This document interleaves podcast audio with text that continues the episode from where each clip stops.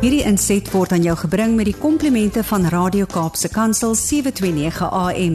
Besoek ons gerus by www.cape pulpit.co.za. Geagte luisteraars, baie baie welkom by nog 'n insetsel van Geestesgesondheid net hier op Radio Kansel en Kaapse Kansel. My naam is Gerda Kriel, ek is 'n kliniese sielkundige van Somerset West en hierdie maand kuier ek 'n bietjie met julle rondom die onderwerp van verhoudings. Nou, ons is regtig in 'n tyd waar verhoudings onder so aanval is. En daar's 'n paar wenke wat ons kan trek om verhoudings met onsself en met ons geliefdes en die mense naaste aan ons regtig dieper en dieper te bou. Vandag sou ek met julle in die ateljee gesels het, maar ongelukkig laat omstandighede dit nie toe nie. En daarom dan nou hierdie opname om julle net te herinner aan dit waaroor ons gesels het en hopelik om julle ook te inspireer om julle verhoudings 'n bietjie meer dieper na te streef en om seker te maak dat jy regtig in elke verhouding waar jy staan 'n diepte en 'n intimiteit sal beleef wat van Abba Vader afkom. Nou die eerste verhouding wat uiters belangrik is waaraan jy moet aandag gee, is die verhouding wat jy met die Here het. Nou ek het natuurlik glad nie 'n hele gesprek daaroor gehad nie want teologie is nou nie my studieveld nie. Maar ek het gevoel om vandag net te noem dat navorsing in sielkunde bewys dat wanneer mense 'n geloofs-oortuiging het, wanneer mense glo in die Here of wanneer mense glo in 'n vorm van 'n God, hulle geestesgesondheid merkwaardig verbeter. Dit word selfs meer verbeter wanneer hulle in intentioneel tyd maak om te bid.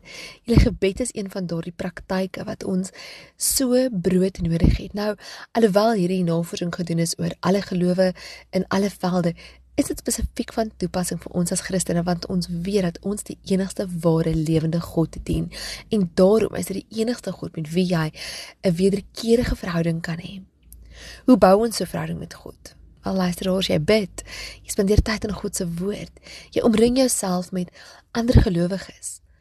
Maak jou gedagtes vol van die Here en sy goedheid. Dank hom vir dit wat hy in jou lewe doen en stort jou hart net voor hom uit. Somstyds dan voel ons alleen en ons voel ons kan nie by iemand uitkom nie, maar God is alomteenwoordig en hy leef as jy 'n wedergebore kind van hom is binne in jou. Jy is as ware die tabernakel waarop hy op aarde beweeg. Sy woord sê jou liggaam is die tempel van die Heilige Gees en omdat sy Heilige Gees in jou leef, hoef jy nie ver te soek vir wonderlike kameraadskap nie. Maar dit is ook belangrik dat ons dan ons verhouding met onsself reg intentioneel herstel.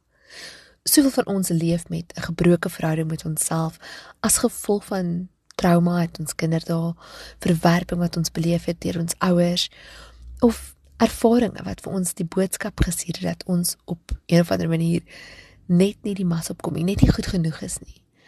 Ons internaliseer leuns oor perfek wees en al die boodskappe wat die media vir ons stuur in tydskrifte en flieks en koerante en alles oor hoe jy veronderstel is om jou lewe te lei. Maar as jy vir jouself lief is, soos wat jy vir iemand anders lief is, onvoorwaardelik, deur jouself uit te stort vir jouself, deur jouself te aanvaar onvoorwaardelik met al jou tekortkominge en met al jou ek wil nou sê tekortkominge is nie die regte woord nie, want want wat eintlik gebeur is dat ons ons is volmaak in God se beeld gemaak, maar ons oortuig onsself dat ons duie te groot is of ons neus te krom is en op daardie manier wanneer ons op daardie elemente vashak, dan begin ons verhouding met die Here so skibreek lê. En uiteindelik ons verhouding met onsself. Nou, hoekom is hierdie verhouding met jouself so belangrik? Wel luisteraars, jy kan nie 'n goeie verhouding met jouself hê sonder om dit te laat oorvloei na goeie verhoudings met ander mense nie. Net so kan jy nie 'n slegte selfverwytende verhouding met jouself hê en verwag dat jou verhouding met jou man en jou vrou en jou kinders en jou geliefdes goed moet lyk nie. Luister ons onthou dat ons met ons lewens ietsie van God se goedheid reflekteer en, en God se storie is uiteindelik 'n verhoudingsverhaal waar hy 'n perfekte verhouding wat hy gevestig is met Adam na die sondeval weer herstel het deur die versoening wat ons in Jesus Christus gekry het met sy sterfte aan die kruis. Omdat ons deur Jesus in 'n goeie verhouding met God kan staan 'n regte verhouding met onsself kan staan, kan ons en is dit eintlik ons plig om in verhouding met ander mense te staan. Maar hoe bou mense die verhouding nou weer? Ek wil julle herinner daaraan dat ons gesê het dat die kwaliteit tyd een van die belangrikste sleutels is om dieper verhoudings in jou interpersoonlike lewe te bou of dit nou is met jou vriende, jou man, jou vrou, jou kinders, bou tyd in. Luister na hulle, moenie oordeel nie, luister heeltemal sonder oordeel net na wat hulle storie is of waar hulle vandag gaan of wat in hulle lewens nou aan die gang is.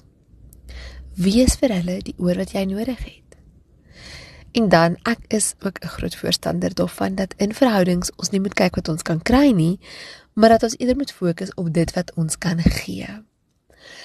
Ons weet ook dat sielkundige navorsing vir ons bewys dat mense wat meer in ander verhoudings inploeg en selfs in verhoudings met vreemdelinge inploeg, regtig ook 'n daadwerklike verbetering van hulle geestesgesondheid ervaar. Daar selfs um, lande wat dit nou inkorporeer dat as jy in die winkel is en jy wil geselsies aanknoop, dan is daar 'n spesiale ry by die betaalpunte waar mense wat lus is vir geselsies aanknoop, dan nou kan in die ry staan en op so 'n manier gehelp word. Julle ek wil vir julle sê dat om goeie verhoudings te hê nie 'n onmoontlike taak is nie. Maar dalk vat dit vir jou 'n bietjie ekstra werk as ander. Onthou dat as jy regtig sukkel met verhoudings, maak 'n punt daarvan om iemand professioneel te gaan sien wat jou kan help om jou eie pynlike, ek wil net sê snellers te kan identifiseer en jou te kan help verstaan waarom dit is dat jy sukkel met verhoudings. Sodat jy uiteindelik nuwe tegnieke kan aanleer, nuwe vaardighede kan aanleer om in verhouding te kan staan met die mense vir wie jy die heel meeste omgee. Luisteraars, ek wil elkeen van julle uitnooi om in hierdie maand wat nou kom 'n tydjie te maak vir jou en jouself, vir jy net tyd met jouself spandeer in God se teenwoordigheid.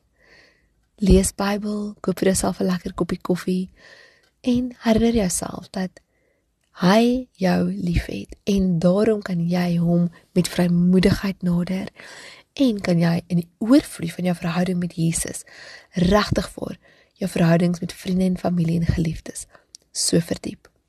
Mag jy 'n geseënde week hê. Ons praat weer volgende keer. Hierdie inset was aan jou gebring met die komplimente van Radio Kaapse Kansel 729 AM. Besoek ons gerus by www.cape pulpit.co.za.